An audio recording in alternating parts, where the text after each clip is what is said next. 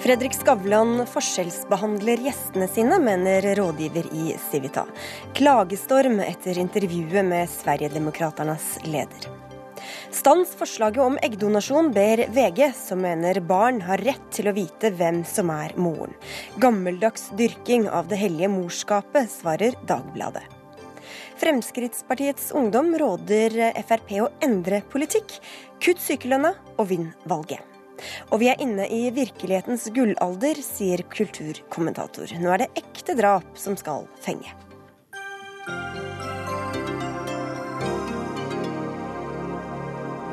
Dette er noen av sakene i Dagsnytt 18 på NRK P2 og NRK2 i dag, hvor vi også skal til valgene både i Frankrike og i Nigeria. Jeg heter Sigrid Solund. Det store samtaletemaet i Norge, og for så vidt i Sverige også, de siste par dagene, har vært fredagens Skavlan-sending. Mange har hisset seg opp over intervjuet som programleder Fredrik Skavlan gjorde med Jimmy Åkesson, lederen av det kontroversielle partiet Sverigedemokraterna. Åkesson har vært sykmeldt lenge, noe han fortalte om før han fikk en rekke kritiske spørsmål om partiet. Parasitter, judesvin, gresshopper, kakerlakker. Dette er ord man bruker om mennesker fra andre folkegrupper. Ja, fast det er jo inget som jeg står bakom, og det vet jo du. Og det Nei, vet jo de men det er dine folk. Nei, det Det er er det jo folk som Det er representerer det er det deg. De representerer deg. Nei, det gjør de ikke. Definitivt ikke. Men de er jo Sverige, de er jo representanter for Sverigedemokraterna. Nei, har de sagt så, så er de ikke det lenger. Det kan jeg garantere. Ja, noen er utesluttet, andre er fortsatt der. Altså, det er jo, man kan jo alltid gjøre så her. Man kan alltid lyfta fram då enskilda tokstollar som väljer att uttrycka sig på ett sånt här sätt och som uppenbarligen inte eh, tillhör samma parti som jag, åtminstone inte i teorin. Eh, Eller så kan man ju välja att diskutera de problem Jo, som vi Hvor faktiskt har i mange samhället. enskilde eksempler må du ha før det, er et, før det er en kultur? Men det är ingen kultur. Kulturen är ju snarere att om du uttrycker dig på ett sätt som gör att du inte, eh, Jo, men du er ikke står bakom partikultur. partiet. Det er, det, hvor, hvor mange enskilde eksempler må du ha før, det gir, før, du, før du ser at det her er uttrykk for en partikultur? Nej, Partikulturen är att de inte är välkomna i partiet om man uttrycker sig på ett sätt som, som, som det här till exempel. Ja, det var litt av uh, intervjuet. Petter Wallis, du er NRKs redaktør for uh, Skavlan. Hvorfor tror du så mange har reagert på det? Nei, jeg tror eh, nok mange har satt tak- takhånd i halsen fordi at de hadde venta seg noe, kanskje noe helt annet. Eh, det- Mange vet ikke veldig mye om Sverigedemokraterna i Norge. Eh, Mange var klar over at det var en, en kontroversiell person, eh, og mange var jo selvfølgelig også politisk motiverte i sin reaksjon. Men eh, vi skal nok ta på dypeste alvor at det var mange som reagerte fordi de følte at formen på intervjuet var ikke det de hadde forventa seg. Hva sier det da, da? Nei, det sier oss kanskje at vi eh, bør være enda tydeligere på hva slags program vi ønsker å lage, eh, og har ønska å lage i, eh, når det gjelder Skavlan. Eh, dette er et intervjuprogram som eh, har et stort spenn av saker, eh, og har alltid hatt det. Eh, det er eh, noen som er der som, eh, som portrettgjester, noen er der for å debattere. Andre ganger er det nyhetssaker, vi har kultursaker, vi har forskningssaker. Så det, det er klart at vi må jo ta inn over oss at kanskje noen hadde forventa at det skulle være mer kos og mindre hard journalistikk. Det er flere politikere fra Fremskrittspartiet som har reagert offentlig på intervjuet. Ingen av dem ville komme til Dagsnytt 18, men det andre med helt andre politisk bakgrunn. Eirik Løkke, du er rådgiver i den liberalkonservative tenketanken Civita. Hva er det du eh, har av innvendinger til denne sendinga og intervjuet? Nei, altså Som Peter Vålesvær sier, så var det jo noe med forventningene. Hva man forventer når man har sett Skavlan opp gjennom årene. Så forventer man jo litt mer hyggelig koseprat enn sånn hardtslående eh, journalistikk.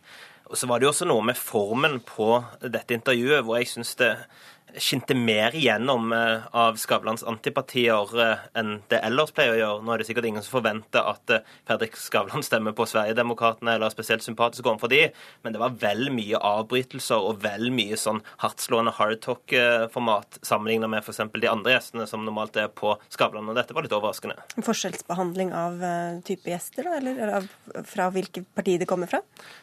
Ja, altså jeg har iallfall ikke sett denne type sånn hardtalk-format på Skavlan eh, tidligere. Nå skal jeg ikke si at jeg har sett absolutt alle episoder av Skavlan, men for meg så virker det som det var tydelig at det var forskjellsbehandling.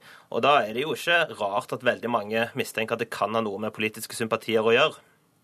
Ja, nå øh, har nå jeg sett de aller fleste Skavlan-programmene, og det er nok uh, ingen tvil om at dette ikke på langt nær den første gangen at vi har hatt uh, litt hardtslående intervjuer med kontroversielle gjester. Nå skal det sies at Jimmy Åkesson er nok den mest kontroversielle gjesten vi noensinne har hatt i, i Skavlan, og det har også vært derfor vi har tatt, tatt dette på dypeste alvor. Men vi har hatt mange gjester inne tidligere som, som har kommet inn med kontroversielle kontroversielle saker, og hvor vi har eh, gått eh, ganske grundig til verks for å eh, Og hvor vi har drevet med kritisk journalistikk. Dette er ikke første gangen. Men du sier selv at det er en slags sjangerblanding. Dere har mange forskjellige sjangere i Skavlan. Hva er det som avgjør når han da henter fram revolverjournalisten, og når han er en koselig talkshow-vert? Ja, altså, jeg pleier å se på Skavlan som, som en slags avis, hvor det er veldig mye blanding av stoff. Og det prøver vi å gjøre. Vi, dette er et program som varer i en time hver eneste fredag fredag, og vi er nødt til å skape en følelse av Men hva er det som avgjør når han er det ene og når han er det andre? Ja, Det vil jo avhenge av hvilken sak som, eh, som gjesten er inne for. I dette helt konkrete tilfellet med Jimmy Åkesson så var det to saker som han eh, var veldig klar over ville bli diskutert. Det ene er jo at han har vært ute av politikken i lang tid, og nå eh, er, eh, skal tilbake igjen i disse dager. Og det andre var selvfølgelig eh, partiets veldig kontroversielle politikk. Det var det som var utgangspunktet for, så han var klar over, premissene på Han var veldig klar over det, og men, ønsket selv å stille i programmet. Men seerne er kanskje ikke klar over det da hver gang når dere velger det ene og når dere velger det andre. Nei. Hva er det da som avgjør hvilke politikere og hvilke gjester dere skal grille, og hvem dere skal la snakke ut om en vanskelig tid? Eller ja, For oss er det jo viktig å, få inn, eh, å, å, gjøre det tydelig for publikum. Og jeg tror kanskje at i dette tilfellet så har vi kanskje ikke vært dyktige nok til det. Og uh, i, i, og med at vi hadde, har hatt den type reaksjoner som vi har hatt. Men, uh, men det ville jo vært meningsløst å ta inn en, en, så kontroversiell mann som Jimmy Åkesson den første gangen vi tar inn en fra, fra Sverigedemokraterna, om vi da ikke hadde gjort et kritisk intervju. Jeg tror det hadde vært eh, betydelig mer eh, problematisk enn når vi nå gjorde nettopp det vi gjorde. Ja, altså, Jeg har ingen problemer med at Jimmy Åkesson blir møtt med kritiske spørsmål. Han har veldig mye å svare for, og det er mye grums i Sverigedemokraterna som også ble eh, tatt opp på Skavlan. Mitt problem er at det gir mitt inntrykk, og det tror jeg de fleste seerne deler, er at den type hardtalk-format som man så på eh, Skavlan på fredag ikke er det vanlige typen formatet. Eh, og Kan hende at jeg har gått eh, glipp av noen tidligere, men det er mitt bestemte inntrykk at her var det en tydelig forskjellsbehandling. Jeg kan ta ett eksempel. da. For noen år siden så var en veldig kontroversiell svensk politiker som heter Gudrun Schyman på Skavlan. Eh, og man kan si mye om henne. Eh, og et enkelt Google-søk vil avsløre at dette er en veldig kontroversiell politiker. Men når Skavlan intervjuet henne, da var det kun kosebad. Det var ikke et eneste kritisk spørsmål om den politikken hun står for. Og at hun da eh, representerer det ytterste venstre, det, da er det jo ikke rart at noen seere begynner å på om det er noe politisk motivert i dette. Ja, Gudrun Schyman har vært gjest flere ganger. Og i det jeg tenker det intervjuet du sikter til, var nok i rundt 2011 osv., hvor, eh, hvor vi hadde henne inne for å gjøre et, eh, som var et, portrettintervju i det her konkrete tilfellet. Andre ganger så har hun òg blitt møtt med kritiske spørsmål. Vi har hatt eh, inne gjester som Carl Bildt, som har vært der inne begge, på, begge, på, begge, måter. Og, og for noen ganger blitt kraftig grilla hvis han har vært inne for en helt spesiell sak. Og andre ganger har det vært vært en mer hyggelig samtale hvor han har hatt eh, kone og så videre med. Ja. Så dette varierer fra gjest til gjest og fra situasjon til situasjon. Ja, hvorfor kan man ikke la det, la det være situasjonsbetinget løkke, i stedet for at man skal ha liksom alle over samme lest? Altså, det er noe med likebehandling, og spesielt en institusjon som NRK er jo helt avhengig av å kunne likebehandle politikere. Eh, og da er jeg helt enig i at du skal ha noe skjønnhetsmargin i måten du stiller spørsmål til Carl Bildt, til Jonas Gahr Støre eller til Erna Solberg, og at det er helt naturlig at man stiller enda enda litt mer kritiske spørsmål til Jimmy Åkesson. Men, Men alle politikere skal være garantert å få kritiske spørsmål når de gjester Skavlan, da, eller?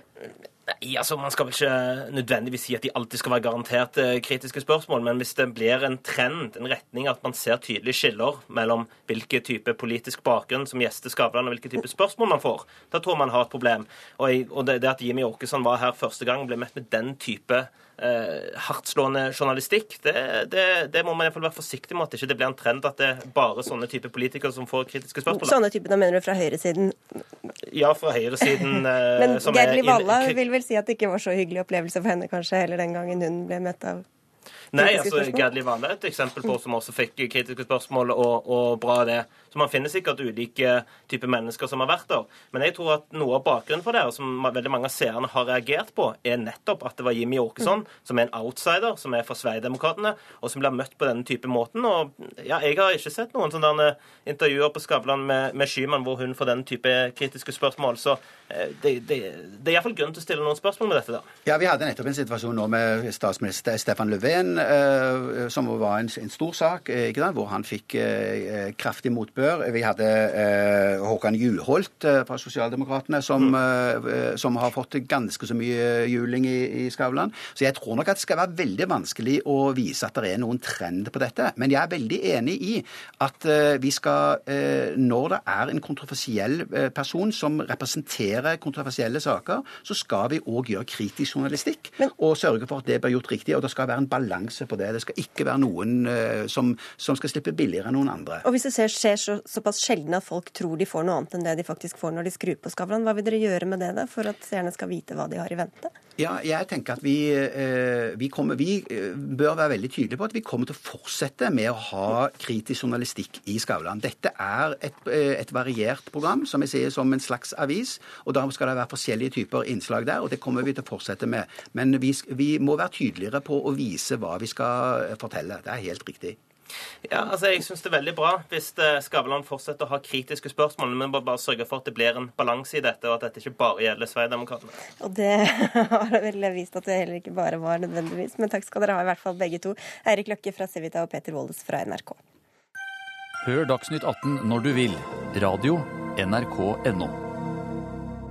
Nå kan det bli dyrere å bo for eh, mange nordmenn. Nærmere bestemt, bestemt 300 000 med festet tomt. En tomt de ikke eier selv, men leier over lang tid for å få bygge hus eller hytte på. Rett før helga la regjeringa fram et forslag som åpner for eh, økt festeavgift, etter en dom fra Menneskerettighetsdomstolen i Strasbourg, som slo fast at de norske reglene var i strid med grunneiernes eiendomsvern. Grete Gjertsen, du er leder i Tomtefesteforbundet, og du har sagt at regjeringa med dette løper etter grunneierne med festernes penger. Hva mener du kan bli konsekvensen av dette forslaget? Jo, konsekvensene av dette forslaget her kan bli veldig alvorlig for veldig mange. Det er, eh, det er snakk om at enkelte får eh, økt festeavgifter opp til 50 000-60 000. I året, eller? I året. Det, men de fleste vil få, rundt, eh, få en økning på to-tre ganger av det de har nå, eller kanskje enda mer. Og det ser vi som veldig alvorlig. Det som jeg kaller å løpe etter at regjeringa løper etter etter grunneieren med penger, det er jo at Norge ble dømt i Strasbourg til å rette opp noen veldig uheldige festekontrakter, noe som var lave. Men de aller fleste i landet vårt de har festekontrakter som er akseptable. Og med justering av KPI så ville det holdt i lang, lang tid. Mens her så går man altså faktisk og gjør det slik at alle får en stor økning. Og, det, og hvorfor jeg sier løper etter, det handler jo også om at regjeringa nå har gått lenger i det forslaget enn når jeg satt, jeg satt i et lovutvalg, og der hadde vi grunneierrepresentanter. Og de går lenger enn det de var med på å, å gå inn for. Og da syns jeg det har gått vel litt for langt. Da får vi høre med deg, Vidar Brein Karlsen, du er statssekretær i Justisdepartementet. Hvorfor går dere så mye lenger enn det dere måtte ut fra denne dommen? Ja, Vi mener at vi ikke har gått lenger enn det. Det var veldig viktig for oss å få retta opp et menneskerettighetsbrudd, og, og, samtidig få til en stabil situasjon, sånn at det ikke skal bli veldig ille for festerne, men samtidig at grunneierne får eh, mer ut av den tomta de faktisk har. Og vi skal huske på at det er altså Menneskerettighetsdomstolen som har dømt Norge. og og sagt at, vi, eh, at, det ikke bare var en vanlig urimelighet. Her var det snakk om et menneskerettighetsbrudd. Så da måtte det gjøres noe for å, å uh, få, få ordna det. Når det, jeg hører jeg Grete Gjertsen snakke om at det blir tomtefestkontrakter opp i 50 000-60 000, det vil være unntaket. og det, det er de aller du, Da skal du ha ganske stor eiendom ikke sant? Og, som du har muligheten til å bruke og utnytte. Sånn. Så, så det var å ta fryktelig hardt i. Det blir litt dyrere for, for de fleste festerne, men det er klart det lå i kortene når det ligger et menneskerettighetsbrudd i bunnen her. Ja, nei, jeg vil jo si at det, Man sier da at det er tomter som folk kan utnytte. Dette dreier seg kanskje om tomter som da man festa for en god del år siden. Som folk eh, fikk seg en hytte opp i fjellet. Ofte kan det være steinurer som er ubrukbare, men som grunneieren den gangen tenkte at det, er jo en grei måte. Da får dere en stor tomt, og jeg får eh, festa bort eh, større areal. Og det, da sitter den igjen med Men Kan man ikke velge å feste en mindre tomt enn det man har i dag, da? Nei, det kan man ikke. Men, eh, Nei, men det, det, som det, det kan jo eh, modereres ganske kraftig. for Det er klart, det vi har gjort ei lovendring på nå, det er muligheten for forlengelse av festekontrakt. Eh, og det, det, Der har jo festerne, altså de som leier tomta, allerede muligheten til å gjøre det uten at grunneier er enig i det.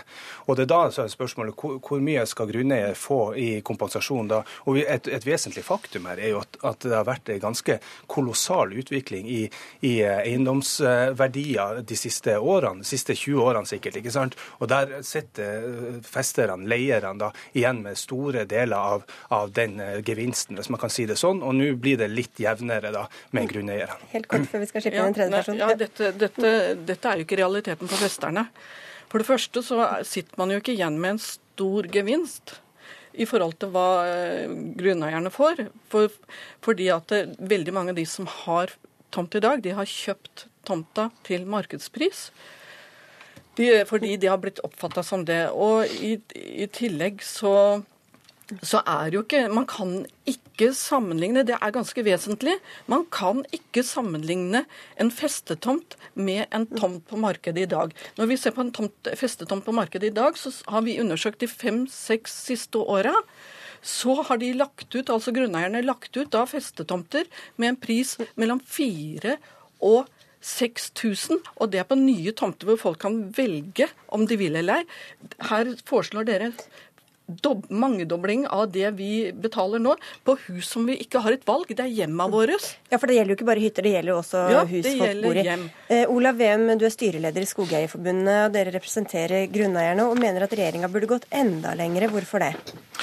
Nei, Jeg tror det er først og fremst det er viktig å huske på at denne saken her dreier seg om. Eh, dette her handler jo om at eh, det var en kraftig ubalanse når loven ble innført i 2004, der eh, gyldig inngåtte juridiske avtaler ble tilsidesett, og en kunne fortsette å forlenge festekontrakter på ubestemt tid uten regulering av festeavgift. Det påpekte Menneskerettighetsdomstolen til slutt at var nærmest for et ran å regne, og i strid med menneskerettighetskonvensjonene, og har bedt det norske myndigheter om å rette opp i den ubalansen og innføre såkalt fair balance. Så det å liksom eh, late som at dette er en ny sak eller en veldig sånn urettmessig sak nå, det er, det er, ikke, det er ikke, staten som stikker med pengene til festeren, det er, det er heller motsatt. Men hva, hva burde du sette, mener du? Så er det så er det kommet en, eh, et lovforslag her, og det er, er vi glad for at det nå endelig begynner å materialisere seg i konkret lov. Men her er jo en rekke ting i det forslaget som nå foreligger som, som vi mener ikke går langt nok i retning av å få lik balanse. For det første så er det jo ikke som Gjertsen her sier, at det blir et liksom ubegrensa tak på dette. Det er jo innført i stor grad et tak på 11 000 kroner som makssats. Uh, Eh, per dekar? Ja. Ja, mm. som innebærer at eh, tomter over 440 000 cirka, i en markedsverdi ikke vil få noe altså Da, blir, da flater det ut. I tillegg så har regjeringa også foreslått at en ikke skal ha noe klausul for reforhandling av avtale, slik normalt ville ha vært. og det er også lagt inn en rentesatser, altså en skal regulere festemål med 2,5 Vi får ta, vi får ta noen av punktene her. Ja, det er mange ting, ja. men altså, poenget her er jo at det, eh, en, en, må liksom huske på at det er utgangspunktet, og det ja. var en ubalanse, og det syns jeg Tomtefesteforbundet snart må ta inn over seg. Brenn-Karlsen, nå blir du angrepet fra to kanter her. Ja, Hvorfor gikk dere ikke lenger, blir spørsmålet nå. Ja, ikke sant. Og det, jeg syns jo det spørsmålet illustrerer at vi, jeg synes vi har truffet egentlig en veldig god balanse når eh, både festerne på den ene siden Hvis ingen er fornøyd, så er dere ja, fornøyd? Ikke sant? Og det er jo eh, sånn det pleier å være de gode forlikene i retten, ikke sant. Så, men nei, altså, vi, vi eh, måtte finne en, en balanse, ikke sant. Vi må, vi må, gå et godt stykke i retning av grunneierne, det har vi gjort.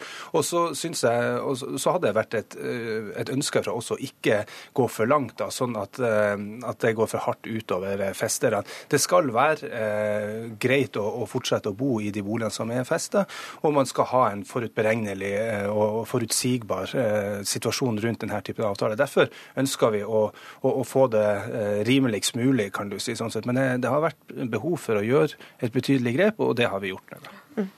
Jeg vil jo ikke kalle dette for rimeligst mulig. Man får en mye høyere boutgift hvert, hvert år. Og jeg syns det er ganske utrolig at uh, Hvor mye avkastning er det de forventer å få av dette? De har ofte ikke investert noe selv engang, nærmest sånn symbolsk sum selv. Vi, kan jo la det, vi må ha litt lite tid igjen. Du får svare på det til slutt, VM.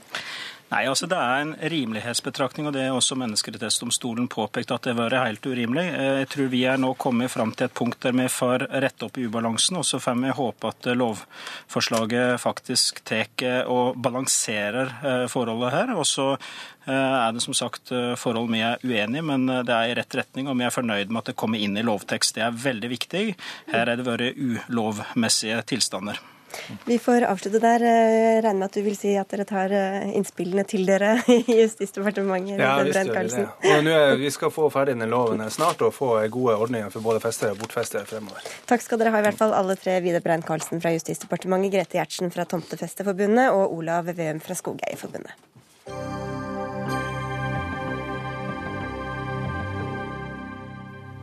Frankrikes tidligere president Nicolas Sarkozy ser ut til å være på full fart tilbake etter at høyrepartiet UMP slo knockout på Sosialistpartiet i lokalvalgene i Frankrike i helga. Valgene ses på som et politisk barometer foran det franske presidentvalget om to år.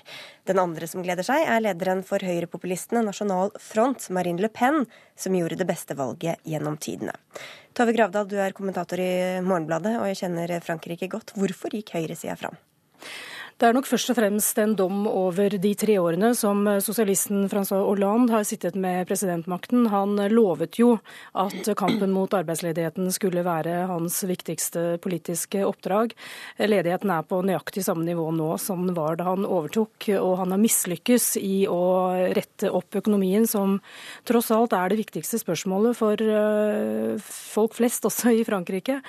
Og mm, han er eh, ekstremt upopulær i Hollande. Mm. Og, og, dette valget er en dom over hans eh, politikk. og Eh, halvparten av velgerne stemte jo ikke ved dette lokalvalget, som, eh, og det er nok mange av de sosialistiske velgerne som valgte å bli hjemme. Og dermed har Sosialistpartiet nå tapt eh, så stort. De har mistet veldig mange av disse departementene som de har styrt nå i flere år. Men hvis det er misnøye som ligger bak, hvorfor vender såpass mange seg da til Sarkozy, som kanskje ikke var sånn kjempepopulær fra, i utgangspunktet?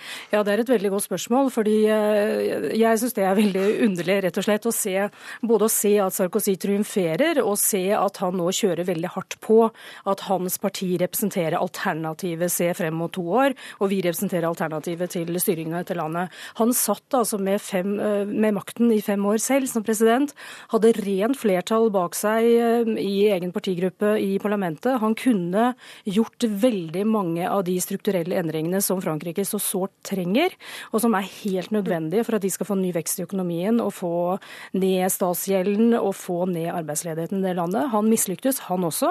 Og nå kommer han tilbake. Og selvfølgelig, 50 eh, av velgerne stemte ikke nå heller. Det er også et symptom på at de heller ikke har tillit til Sarkozy.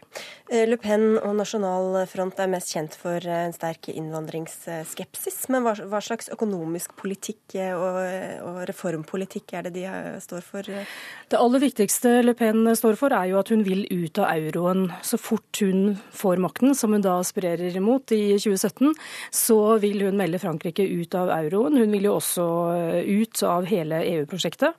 Og, eh, og, bortsett fra det er det jo ikke så, ikke så godt å vite hvor hun vil gå hen. Men hun vil ha en mer proteksjonistisk eh, politikk, det er ikke noen tvil om. Hun vil reversere globaliseringen, vil, ha, vil, vil at franske borgere, franske eiere, de skal, de skal ha fordel i det økonomiske liv. Og det er jo Det er jo mange som mener at det er jo totalt uforenlig med den globaliserte økonomien vi lever i nå, men det er nå det hun sier at hun vil ha da. Og hva er da sannsynligheten for at et parti med såpass drastiske politikk vil komme til makten i Frankrike? Altså, eh, Nasjonal Front fremstår jo nå som det kanskje sterkeste partiet på ytre høyrefløy i, eh, i, hele Europa. Eh, Le Pen har nå sittet med ledelsen i partiet i fire år, og har i løpet av disse årene Hun bygger nå stein for stein fram mot presidentvalget i 2017 for å både skape en partiorganisasjon som har stor innflytelse på grasrota, og hun lykkes lykkes både i å samle partiet og i å posisjonere seg, selv om hun nå ikke har vunnet noen av disse departementene som var på valg nå denne, eh, disse to søndagene. Så har hun likevel greid å få inn ganske mange folkevalgte inn i disse, disse lokale forsamlingene. Så er det et nytt lokalvalg i desember i år, hvor hun eh, kan få en ny sjanse til å bevise at partiet fortsetter å øke. Altså Dette er jo det beste valget partiet har hatt noensinne. Det er godt mulig at regionvalget i desember blir en ny triumf for henne. Og da er det jo det er, altså det er ikke mulig å utelukke at hun kan lykkes i å bli president om to år. Vi får følge med. Tusen takk skal du ha for at du kom til Dagsnytt 18, Tove Gravdal.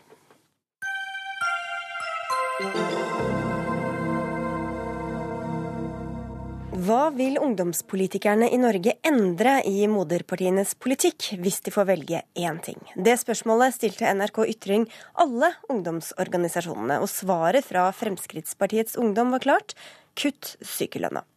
Atle Simonsen, formann i FPU, hvorfor synes du at Fremskrittspartiet bør gå inn for å kutte i sykelønnsordninga? Først og fremst fordi at det er rettferdig, og at vi har et prinsipp om at det skal lønne seg å jobbe. Eh, og sykelønnsordningen er den eneste ordningen vi har i Norge hvor det er eh, full lønn. Altså Hvis du blir uføretrygda, så får du mindre penger enn du hadde når du jobba. Hvis du mister jobben og går på dagpenger, så får du mindre penger. Mens med sykelønnsordningen så har vi da eh, full lønn under sykdom. Vi har dobbelt så høyt sykefravær som vårt naboland Sverige. Vi, har, vi er det friskeste folket i verden stort sett når FN måler helse. Men allikevel er vi det landet i den vestlige verden med det høyeste sykefraværet. Eh, og Det henger sammen så klart at vi har den mest sjenerøse ordningen for sykelønn i, i, hele verden. Og det er de fleste forskerne enige om òg. Eh, så har FPU foreslått at vi bør eh, ha 80% sykelønn og én karensdag. Og til og med da så vil vi nok ha en av, om ikke den aller, aller beste sykelønnsordningen i hele verden. Og Bakteppet her er litt at eh, vi er i en situasjon hvor eh, velferdsstaten har feber. Hvis vi fortsetter sånn som vi gjør i dag, så vil det eh, være sånn at Norge går med underskudd når jeg blir pensjonist. Eh, og mens det var i 1975 arbeidsføre eh, folk som jobba for en pensjonist, så snakker vi om at det skal være to i 2060. Så det sier seg selv at hvis vi ikke gjør noe, så blir ikke jeg pensjonist før jeg er 80 år. Gjermund Hagesæter, finanspolitisk talsperson i eh, Frp. Det høres ut som det eneste ansvarlige å gjøre er å gå inn for å kutte sykelønnsordninga, skal vi tro Simonsen. Gjør dere det? Nei, det har vi ikke tenkt å gjøre. Men jeg vil jo gi en honnør til FPU og Atle Simonsen om at han setter en viktig sak på dagsordenen. Og eh, jeg tror det er viktig at man diskuterer dette. Men det er jo ingen tvil om at man har Hva er poenget med å diskutere det hvis man ikke vil gjøre noe med det? Jo, det kan du si. Men det er jo slik at eh, vi har et partiprogram nå, og det gjelder til 2017. Og der har vi ikke fått noe arbeidsinstruks om å gjøre endringer i den. I hvert fall ikke dramatiske endringer i den. slik at den den kommer i all hovedsak til å bli værende sånn. Men vi må ha en fortløpende debatt om dette, for det er ingen tvil om at man har en veldig god sykelønnsordning i Norge.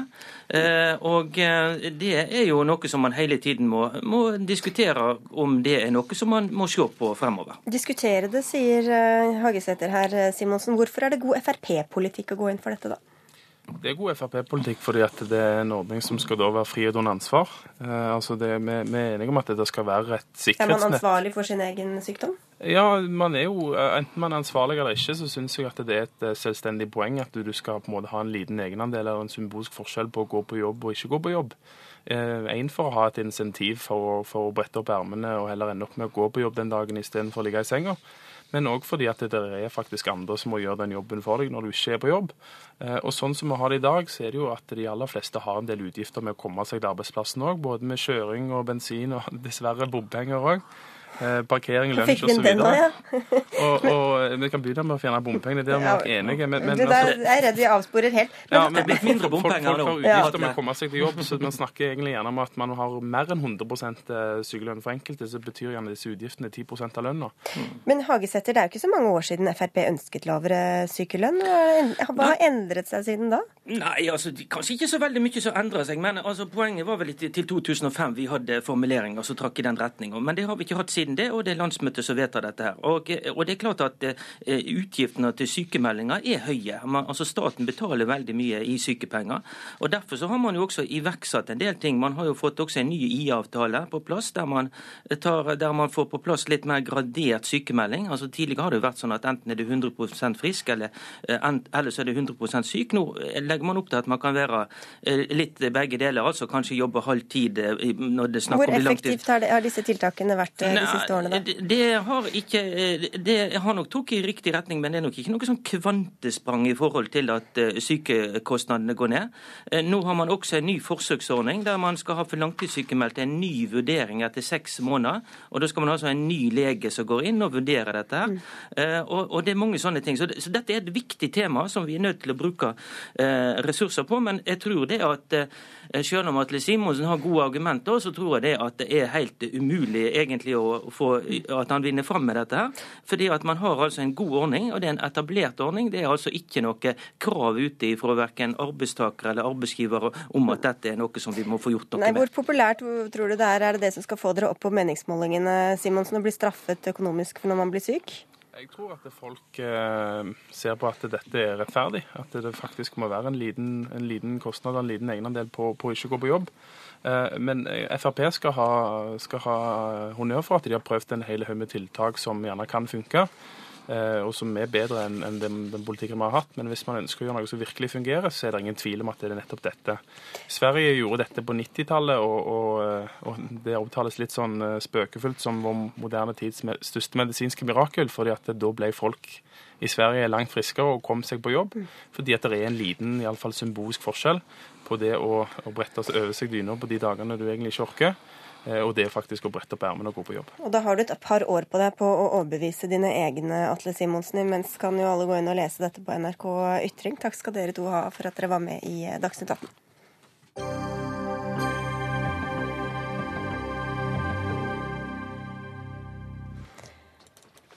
Mens menn kan donere sæd til par som sliter med å få barn, har ikke kvinner hatt den samme muligheten til å få donoregg.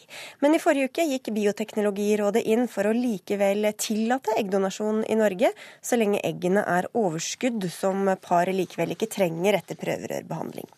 Men dette advarer dere mot i VG, politisk redaktør Hanne Skartveit. Hvorfor donorsæd, men ikke donoregg? En veldig viktig forskjell. Far har alltid vært sæddonor. Sæden kommer alltid utenfra, fra han som er biologisk genetisk, han som er faderlig opphav på alle vis, inn i mor. Og så har det vært sånn at Mor både har egget og livmor. Den du kommer ut av, vet du er moren din, ditt moderlige opphav. Hvis man åpner for sæddonasjon, så splitter man disse på en måte to morsbegrepet. Da mener man rører ved noe ganske grunnleggende som vi ennå ikke vet konsekvensen av hvordan blir for disse barna. Politisk redaktør i Dagbladet Marie Simonsen, du applauderer innstillinga fra Bioteknologirådet, men eh, du er ikke like begeistret for denne lederen i VG. Hvorfor ikke? Nei, jeg syns jo det sender et litt sånn trist signal til, eh, til foreldre som får barn på utradisjonelle måter, for å kalle det det. At de ikke er helt fullverdige foreldre, at alt handler om genetikk. Og dessuten så ser jeg jo ikke, deler jeg jo ikke Skartveits syn på at, eh, at det er den store forskjellen mellom farskap og morskap. Jeg syns i 2015 at eh, det er rimelig sidestilt. og Sæddonasjon har vært eh, lov lenge, og derfor er det naturlig at det også skjer med eggdonasjon. Ja, Det var ikke bare Marie Simonsen som var uenig med deg, Hanne Skartveit. Du fikk mange mot deg på sosiale medier fordi de mener at du setter mor høyere enn far. Hvorfor skal ikke de likestilles i 2015? Eh, Jeg syns det er litt tilbakeskuende og konservativt og gammeldags å snakke om eh, mor og far og de voksne her. Dette handler ikke om likestilling. Vi har kommet dit i samfunnet at vi nå setter barns behov mye mer i sentrum enn vi gjorde i gamle dager. Og For meg har dette aldri handlet om voksne, om likestilling mellom ulike grupper, ulike mor eller far eller andre. Det handler om barns behov for å kjenne sitt opphav. Og det ser vi jo fra altså se Tore på store, sporet, se hva som helst. Ba, mange voksne som har uklarhet rundt hvor de kommer fra identitet, sliter veldig med det. Og da mener jeg det å planlegge og legge til rette for at du faktisk skal lage barn som har en sånn uklarhet rundt sitt, uh, sin opprinnelse, det mener jeg er galt. Dette Barns behov er vel først og fremst at, uh, at, de skal være ønsket. Og det vi vet om de som gjennomgår denne behandlingen, som er både tidkrevende og kan være veldig kostbar, i hvert fall slik den er i dag, er at disse barna er veldig, veldig høyt ønsket. Eh, og det å være foreldre er noe langt mer enn genetikk. At det også kan oppstå problemer, det vet vi fra f.eks. adoptivbarn. Men, men, det eh, ser jeg ikke som at det skal hindre bruk av en slik moderne teknologi. Men er likestilling et argument inn i en sånn sak som det her? Nei, altså ikke i den forstand, men jeg syns jo at det er litt underlig å ikke sidestille morskap og farskap. Det sender et signal om at uh, farskapet ikke er så viktig. Jeg syns det er en nedvurdering av, av, faren. Det må jo være ut ifra det Skartveit sier, at, uh, at, barn vil søke etter sitt opphav, så er det vel like naturlig da at de vil søke etter uh, sin biologiske far. Som hvis de får sæd, Hanne Skartveit? Ja. Jo, men Det er jo naturen som gjør at det er ulike roller her. Det er naturen som gjør at far er donor i seg selv i utgangspunktet, mens mor At du, nå, at du alltid har hatt måte, den vissheten at den du kommer ut av, er den som er mor på alle biologiske, genetiske måter. ikke sant? Og jeg er helt enig med Marie at barn det viktigste er at de er ønsket, og at de blir veldig høyt elsket. Men når du trekker linjen til adopsjon, så må du huske at adopsjon skjer av hensyn til barna. Der er det barn som trenger omsorg. Kunstig befruktning skjer av hensyn til de voksne. Og det er jo et paradoks Marie, at vi lever i en verden hvor det er veldig mange barn, også i Norge, som trenger omsorg. Og det er mange voksne som har stor vilje og stor kapasitet til å gi omsorg. Og så øh, altså Fosterbarn, adopsjon, det er mange måter å få barn på som også ivaretar barn som faktisk er født og som trenger det. Det kan jeg være enig i, men, eh, men, det er jo en litt uh, annen diskusjon, mener jeg.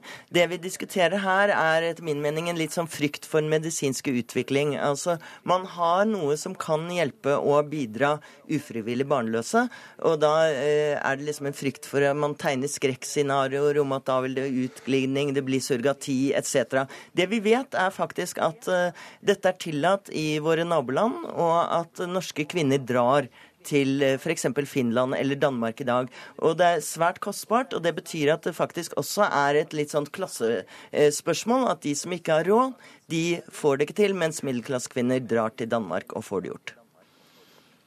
Ja, det ser det er et dilemma, men like fullt så mener jeg at vi må ta de valgene vi tar i Norge når det gjelder norsk lov. Eh, og det må vi på en måte holde, holde fast på. Men, og det som er viktig for meg med eggdonasjon, er at det, er, det store skrittet her er jo eggdonasjon. Å bryte lenken mellom den som gir egg og den som bærer fram barnet. Der er skrittet veldig kort til surrogati.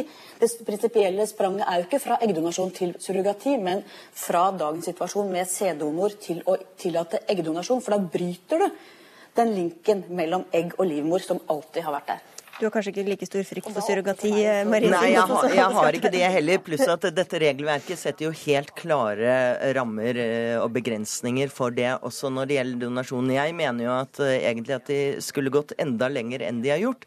At de skal tillate uh, både sæddonasjon og eggdonasjon. Nå setter de begrensning med at det må være far som, som befrukter egget, f.eks. Men Hanne Skartveit, i motsetning når, til når far er donor, så får jo også barnet et slags biologisk bånd til den, skal vi kalle henne, den sosiale moren ved eggdonasjon, fordi barnet tross alt er inni magen hennes i ni måneder. Hvorfor veier ikke det tyngre, da?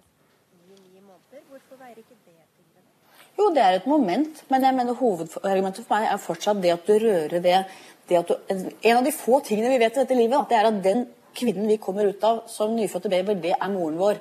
Eh, og i en tid hvor mer og mer flyter, så tenker jeg at det å røre ved den vissheten I USA så er det svære nettforum med donorbarn med sæddonasjon som leter etter sine røtter. Du har adoptivbarn som bruker livet sitt på å finne ut hvor de kommer fra. Altså Menneskets behov Folk er forskjellige, mennesker er forskjellige, men menneskets behov for å på en måte kjenne til opphavet sitt og være trygg på det, er for noen veldig, det, veldig viktig. Det, eneste man, det eneste man vet, er jo at stort sett det å få barn er en egoistisk handling i utgangspunktet. Det er jo at man vil videreføre sine e- egne gener, og at man vil, vil, eh, vil ha et eget barn. Men, men så derfor så er det jo hva som er mest egoistisk av å, å bruke eggdonasjon eller ikke, eller få sitt eget barn, det, det vet man ikke, kan man ikke bedømme på den måten. Men det som er aller viktigst for barn, er jo at noen er glad i dem, ønsker dem, at de er gode foreldre og vokser opp i et godt og trygt hjem. Og det er slett ikke genetikk enn noen garanti for. Vi får uh, skru Jeg er helt enig med Marie. Og jeg, jeg, bare si en ting. jeg bedømmer ikke voksne ut fra dette. Mitt ståsted er at jeg er opptatt av hva som tjener barn i dette samfunnet. Takk skal dere ha i hvert fall begge to, Marie Simonsen fra Dagbladet og Hanne Skartveit fra VG. Dagsnytt 18 alle hverdager klokka 18. På NRK P2 og NRK2.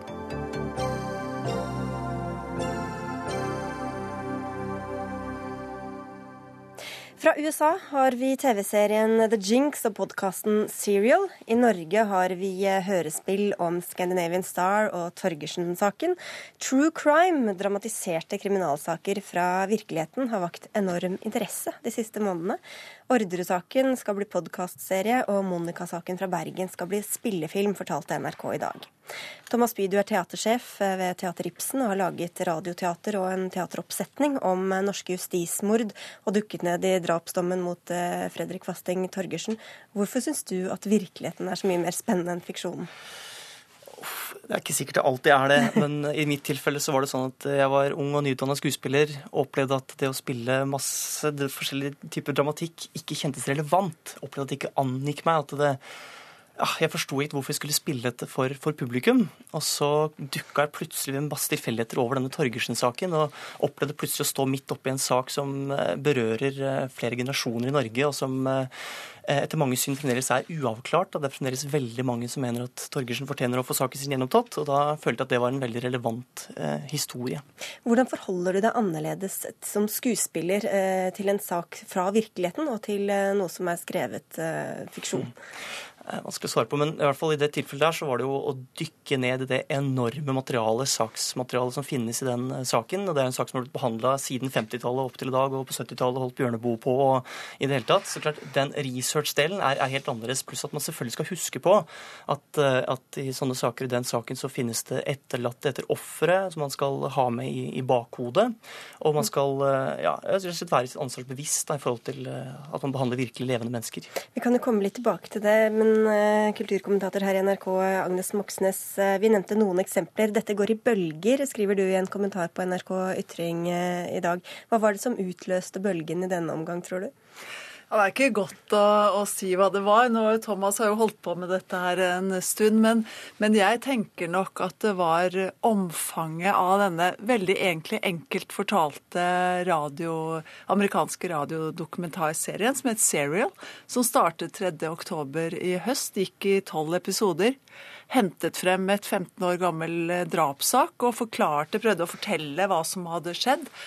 Og i løpet av altså jeg tror det var februar måned, så hadde jeg en måling på det som viste at den var ned, lastet ned bortimot 70 millioner ganger. Og det er klart at da har det skjedd et eller annet som er ekstraordinært, og som gjør at bransjen filmbransjen, eh, forleggeriet, kanskje også teatret, aner at eh, her Eller forstår at her er det noe på gang som er eh, ekstraordinært. Vi er vel fans alle tre, ettersom hva jeg har skjønt. Thomas Bye, i ditt tilfelle så ventet du også opprinnelig på en gjenopptakelse av denne saken, som, som ikke kom allikevel. Og i en del av disse sakene som vi har nevnt, så får man jo aldri heller noe klart svar, eller ting utvikler seg annerledes enn det man kanskje tror når man begynner med, med stykket, og mister litt grep om dramaturgien. Hvordan er det å forholde seg til en historie som du egentlig ikke heller er helt herre over selv? Eh, vanskelig å svare på. Eh, eh, altså, jeg tenker at det, En ting som er med sånne uavklarte saker, det er også at tilskueren, de som ser på de, Dette låter litt kynisk, men de får lov til å være litt etterforskere. Det er et krimelement i disse sakene som gjør at, at publikum er medskapende Så jeg vet ikke om det er et svar på spørsmålet, men i hvert fall, ja. Agnes Moxnes, det er jo ulike måter også å lage sånn true crime på. ikke sant? I Thomas Byan er der er det nærmest bare at du står og snakker og forteller. Andre ganger er det mer dramatisering, lager, eller, og noen ganger også som en dokumentar. Hva slags sjangermessige utfordringer kan vi si at denne true crimen byr på? Tror det viktigste er vel at man eh, må holde seg til de fakta som faktisk eh, er der. For med en gang du begynner å dikte, og det ser man jo i den voldsomme debatten som, som eh, oppsto f.eks. på sosiale medier som Twitter og sånn, både etter Serial og etter eh, The Jinx, altså denne TV-serien som gikk på, på HBO nå, at det, eh, det, kommer en debatt som kommer i etterkant, hvor man går inn og diskuterer dette er riktig, dette er ikke riktig, dette er feil fortalt. Eh, sånn at det er nok forholdet til det virkelige, det virkelige litt i gåseøynene, som er en av de viktigste elementene som skiller. For det er jo som Thomas Bye sier, at når du sitter og ser på en serie som skal være riktig, så ser du den helt annerledes enn når du ser historien om en prins fra Danmark mm. så i Hamlet. Ja, det var veldig veldig viktig for meg at uh, når jeg valgte å lage den forestillingen, 0 pluss 0 er lik 4, så var det det jeg var mest opptatt av, var at ingen skulle kunne ta meg på noe som helst når det kommer til det rent faktiske. Altså det er eh, det er desidert viktigste. Det er det eneste ansvaret jeg følte jeg virkelig hadde som skaper av den forestillingen, sammen med Aslak Moe, som mm. regissøren heter, så er hans navn også nevnt. Men eh, hvordan har du da, når det gjelder det etiske, forholdt deg f.eks. For til de etterlatte etter mm. drapsofre i den saken du har behandlet? Uh, der skjedde det at jeg ble kontakta av eh, etterlatte etter Rigmor Johnsen, som det offeret i den saken heter. Og de ba meg om å ikke spille forestillingen, for de opplevde at den, de rev opp gamle sår. Sår som aldri har fått eh, gro. ikke sant? Eh, og da spurte jeg om de ville at jeg skulle trekke deres perspektiv inn i forestillingen. Og det ville de, så fra da har jeg alltid trukket fram deres syn på, på saken og på min forestilling. Um, ja. Mm. Men du, håper du, altså du trekker jo da virkeligheten inn i teatersalen, men håper du også gjør det motsatte, slik at du kan påvirke eh, virkeligheten? Eh, ikke sant? Dette er jo en sak som fortsatt ruller og går. Ja. Jeg må vel svare ja på det, hvis jeg skal være helt ærlig. Så selvfølgelig så ønsker jeg at uh, den forestillingen skal få liksom, konkrete følger. Men det er vanskelig. Det er veldig, veldig vanskelig. Det er jo det som har skjedd med disse to seriene som har nevnt nå, radio- og, og TV-serie. Det er jo at i, i, det første tilfellet, Serial, så er, kommer altså nå den saken skal nå vurderes om den skal tas opp igjen eh, nå i juni. Og The Jinx så får man jo altså den mest eh, spektakulære eh, avslutningen på en, en, en, serie, en dokumentarserie noensinne. Eh, som jo er et resultat av det arbeidet som, som, filmskaperne har gjort, eller dokumentaristene har gjort. Og så er det jo noen som har vært ute og advarer mot å lage underholdning av alvorlige drapssaker. Hva er mm. dine refleksjoner rundt det? Det er at hvis du mener at du står for en sak da, overfor en drapssak, du mener at noen har blitt uriktig dømt, Eh, og du virkelig mener at du har belegg for å si det, så mener jeg at eh, da er hensynet til det, altså til den dømte, blir da for meg personlig viktigere enn hensynet til de etterlatte. Og det mener jeg vi ser også på de altså justismordene, altså anerkjent justismord, Fritz Moen-saken. Så klart det var viktigere at Tore Sandberg gikk inn og fikk Fritz Moen-saken gjenopptatt, enn at de etterlattes Eh, følelser knyttet til det ble tatt hensyn til. Og når du har reist rundt eh, som du har gjort og vist denne forestillingen for politifolk, eh, for jurister i rettssalene, hva, hva sier de? det blir nok litt tatt på senga hvis det står en sånn der, hva, denne unge skuespilleren som står og kan så utrolig masse disse sakene. Men stort sett så blir de veldig glad og blir minna på alvoret i jobben deres. Det er det de sier til meg.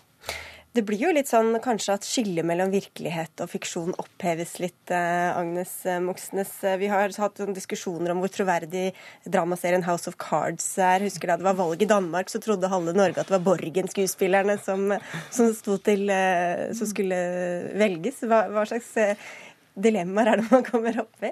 Ja, altså det gjør man jo. Men samtidig så er det jo sånn at de folkene som skriver de seriene, de er helt ekstremt kunnskapsrike på det politiske spillet. Sånn som f.eks. Beau Willimon, som jo har skrevet manus til House of Cards. Han jobbet jo med Hillary Clinton på en av hennes kampanjer for å bli senator. sånn at de kan spille ut og inn, og derfor blir det så, så, tett opp til virkeligheten. Men igjen da dette her med at det er så stor forskjell på å sitte som seer og se på noe som er bygget på en virkelighet, som er den sanne historien, i ene gåseøyne, og det som er en diktet historie. Jeg skal utfordre litt. Da skal jeg si Kanskje egentlig ikke true crime-sjangeren dras langt nok. Jeg, jeg blir, I den grad jeg blir irritert over noe knytta til dette her, så er det sånn den, den heter vel Frikjent heter vel på TV 2, som er løselig basert på mm. Birgitte Tengs-saken. Og nå kjenner jeg tilfeldigvis Birgitte Tengs-saken veldig godt. Og jeg blir liksom frustrert over at man Hvorfor skal man dikte over en sak som er så full av drama? Hvorfor kan man ikke bare gjøre det dramaet, da? Birgitte Tengs-saken er mye viktigere for meg enn den oppdiktede fortellingen om denne eh, mannen ja. i den serien. Og et sånt true crime skal vel egentlig ikke ha oppdiktede elementer? Ja, det er det. Enten det er true eller ikke true. Ja, og, du, og, helt sånn avslutningsvis, for du setter opp også masse dokumentarisk nå på teatret ditt eh, i Skien. Det stemmer. Det blir en slags uh, profil for teatret. At det er teater basert på virkelige hendelser. Så. Selv om ikke alt er crime? Ja, det er det ikke, nei. Alle er hjertelig velkommen. Ah, fikk vi det, ja. Tusen takk skal dere ha for at dere kom, Thomas Bye fra Teater Ibsen og Agnes Moxnes i NRK.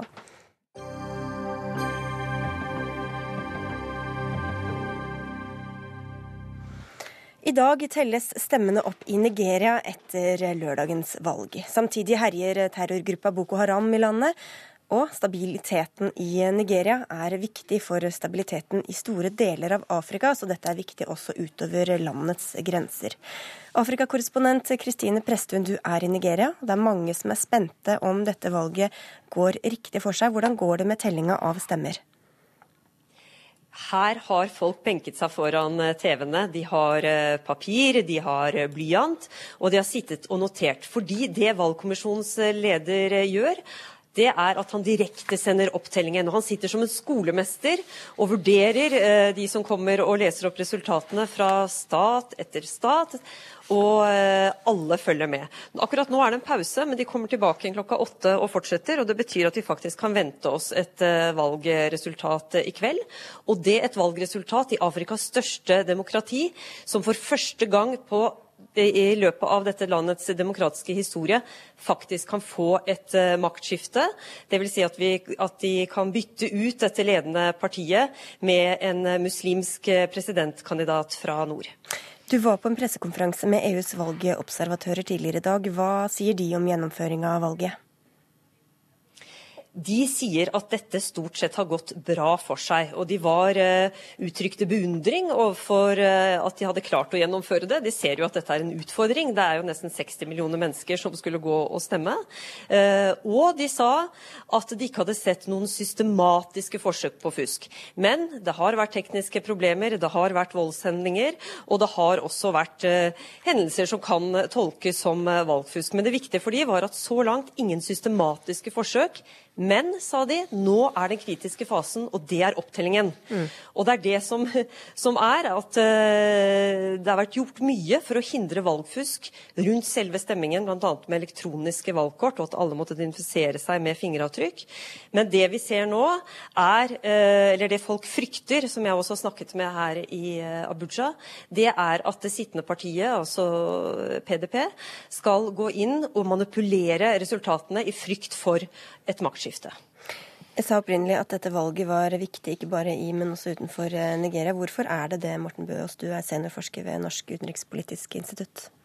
Det er viktig av flere årsaker, men også den hovedårsaken er at Nigeria de siste fire-fem åra har ligget ganske lammet politisk pga. alle stridighetene rundt president Goodluck Jonathan og hvilke mandatperioder han eventuelt skulle ha rett til.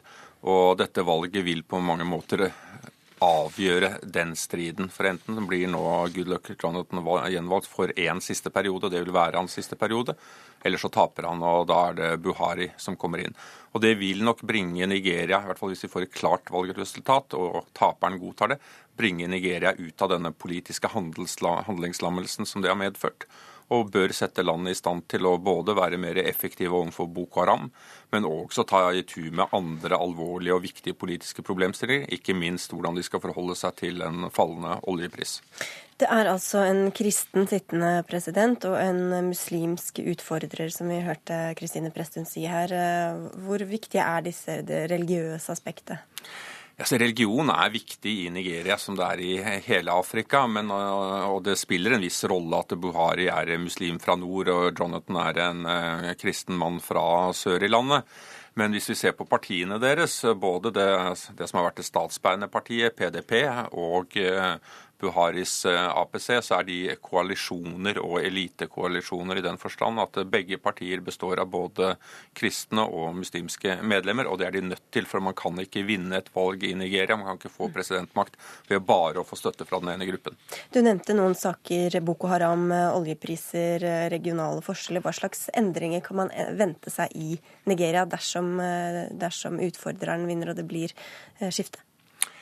Ja, Det gjenstår jo å se, men også Buhari har, som en tidligere junta-general, har jo kjørt en uh, valgkamp som er bygget på disiplin, lov og orden. At han skal uh, ordne opp med Boko Haram, han skal få orden på hæren, han skal få orden på politiet, han skal sørge for trygghet, og ikke minst så skal han ta i tur med korrupsjonen. Så er, her har han spent buen ganske høyt, og så får vi se om, hvis det blir han som vinner, om han er i stand til å levere på de spørsmålene. Kristine Prestun, hva håper nigerianerne skal skje, da, enten det er den ene eller den andre som går eh, seirende ut av dette? Akkurat nå så er folk veldig spente på hva som kommer til å skje det neste døgnet. Som drosjesjåføren min sa, et valg i Nigeria du vet ikke hva som kan skje, alt kan skje. Og Det betyr at eh, hvis det blir et jevnt valgresultat, hvis det blir beskyldninger om fusk, da kan eh, det eksplodere i enkelte delstater i dette landet. Det var jo politisk vold etter eh, sist valg, i 2011, som gikk langs etniske og religiøse linjer. Og man er redd for at det samme skal skje igjen, hvis ikke valgresultatet blir respektert.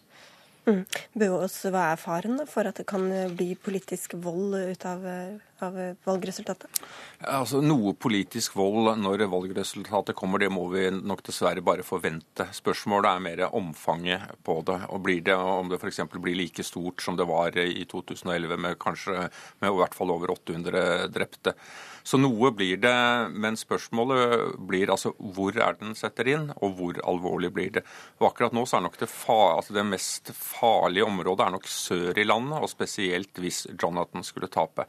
Her er det flere av de gamle militslederne, inkludert denne Government Tompolo, som fikk tak i disse norske MTB-ene, som faktisk har eh, sagt at de går til erklærer full krig hvis Jonathan taper. Her kan det skje ting. Kristine Prestun, eh, hva har man sett av Boko Haram under, eh, i valgkampen og under gjennomføringen av valget? Boko Haram hadde jo truet med å sabotere dette valget, og de mange bombeaksjonene de siste månedene kan jo ses på i den eh, forbindelse. Derfor var det jo knyttet stor spenning til hva som ville skje på selve valgdagen og i forkant av valget. Eh, det var angrep eh, i nordøst, men det var ikke på noen måte av en slik skala at det kunne ødelegge for valget.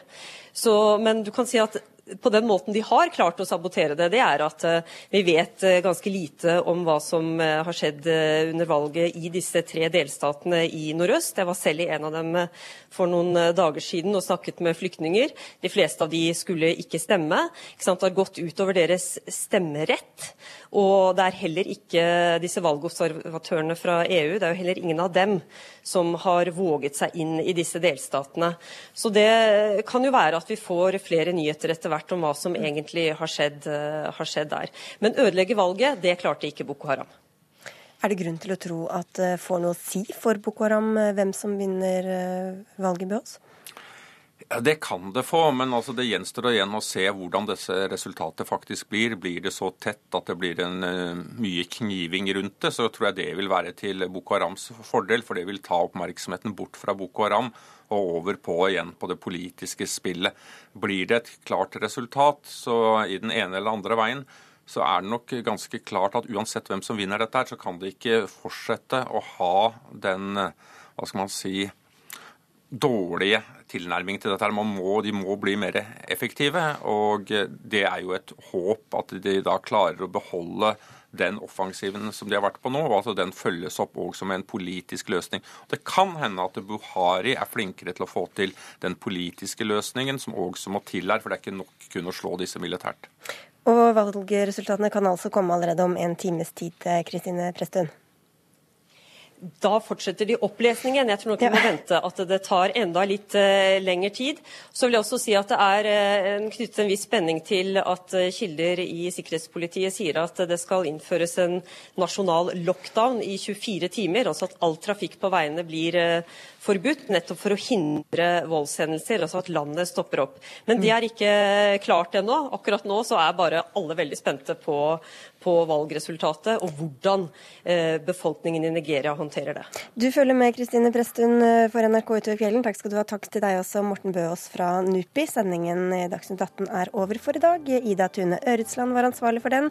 Teknisk ansvarlig Erik Sandbråten. Og jeg heter Sigrid Solund.